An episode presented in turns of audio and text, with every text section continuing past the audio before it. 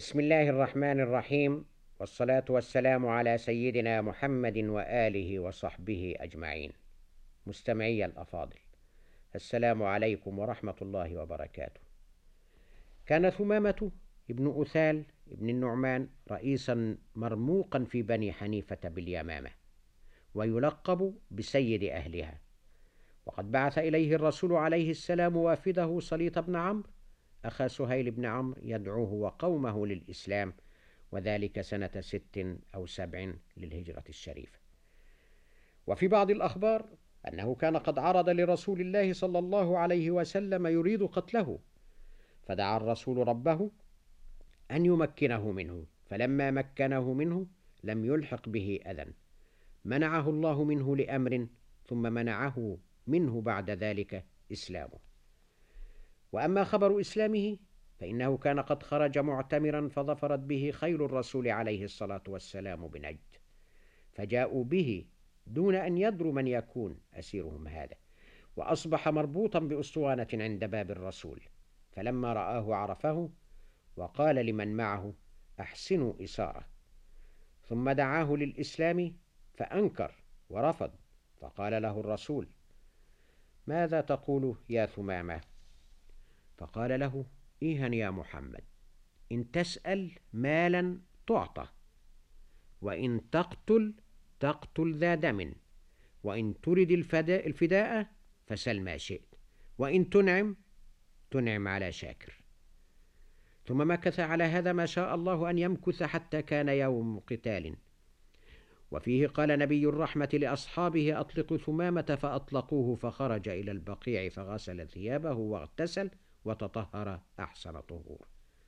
ثم جاء إلى الرسول مبايعا إياه على الإسلام ونطق بالشهادتين. ثم قال له يا رسول الله والله لقد قدمت عليك وما على وجه الأرض وجه هو أبغض إلي من وجهك ولا دين هو أبغض إلي من دينك ولا بلد هو أبغض إلي من بلدك. ثم ما أصبح على وجه الأرض وجه أحب إلي من وجهك ولا دين أحب إلي من دينك ولا بلد أحب إلي من بلدك. ثم قال له إنك لتعلم يا محمد أني خرجت معتمرا وأنا على دين قومي وأسرني رجالك وأنا في عمرتي فمر من يسيرني إلى الطريق.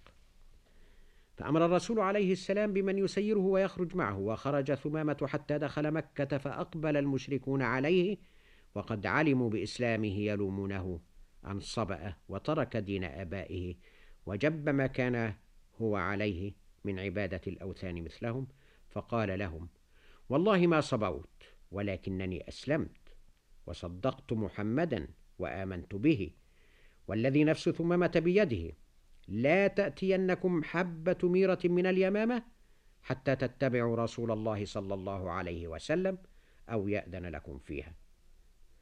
وبر ثمامة بيمينه وحبس عنهم الميرة وهددتهم المجاعة أن تنشب أظفارهم فيها فاستصرخوا بالرسول الكريم وراحوا يشكون إليه ما فعله بهم ثمامة وقالوا له إن عهدنا بك وأنت تأمر بصلة الرحم وتحض عليها.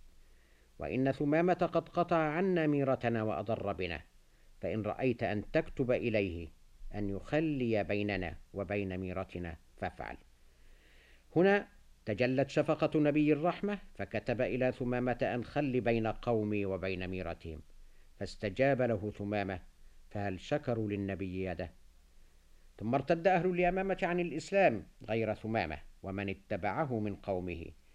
ونهى هو بني حنيفة عن أن يرتدوا فلم ينتهوا والتفوا حول مسيلمة الكذاب ومن لف لفه من أمثاله الذين أعمى الله قلوبهم ومن ثم عزم ثمامة على مفارقتهم ثم خرج مدندا للعلاء بن الحضرمي ففت ذلك في عضد أعداء الله وقال ثمامة في ذلك دعانا إلى ترك الديانة والهدى مسيلمة الكذاب إذ جاء يسجع فيا عجبا من معشر قد تتابعوا له في سبيل الغي والغي أشنع.